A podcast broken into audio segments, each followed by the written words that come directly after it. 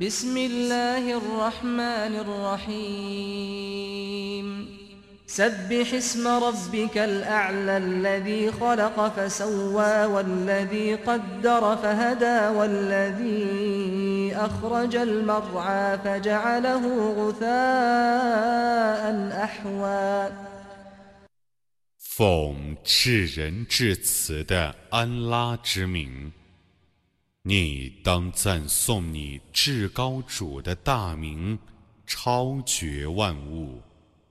他创造万物，并使各物匀称。他预定万物，而加以引导。他生出牧草，然后。使它变成黑色的枯草。سنقرئك فلا تنسى إلا ما شاء الله. إنه يعلم الجهر وما يخفى.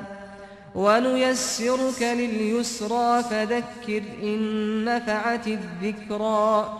سيذكر من يخشى ويتجنبها الأشقى الذي يصلى النار الكبرى. ثم لا يموت فيها ولا يحيا قد أفلح من تزكى وذكر اسم ربه فصلى 我将使你诵读，故你不会忘记，除非安拉所欲忘记的。他的确知道显着的 和隐微的言行。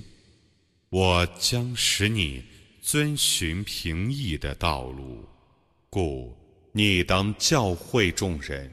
如果教诲有弊于他们的话，为主的人将觉悟。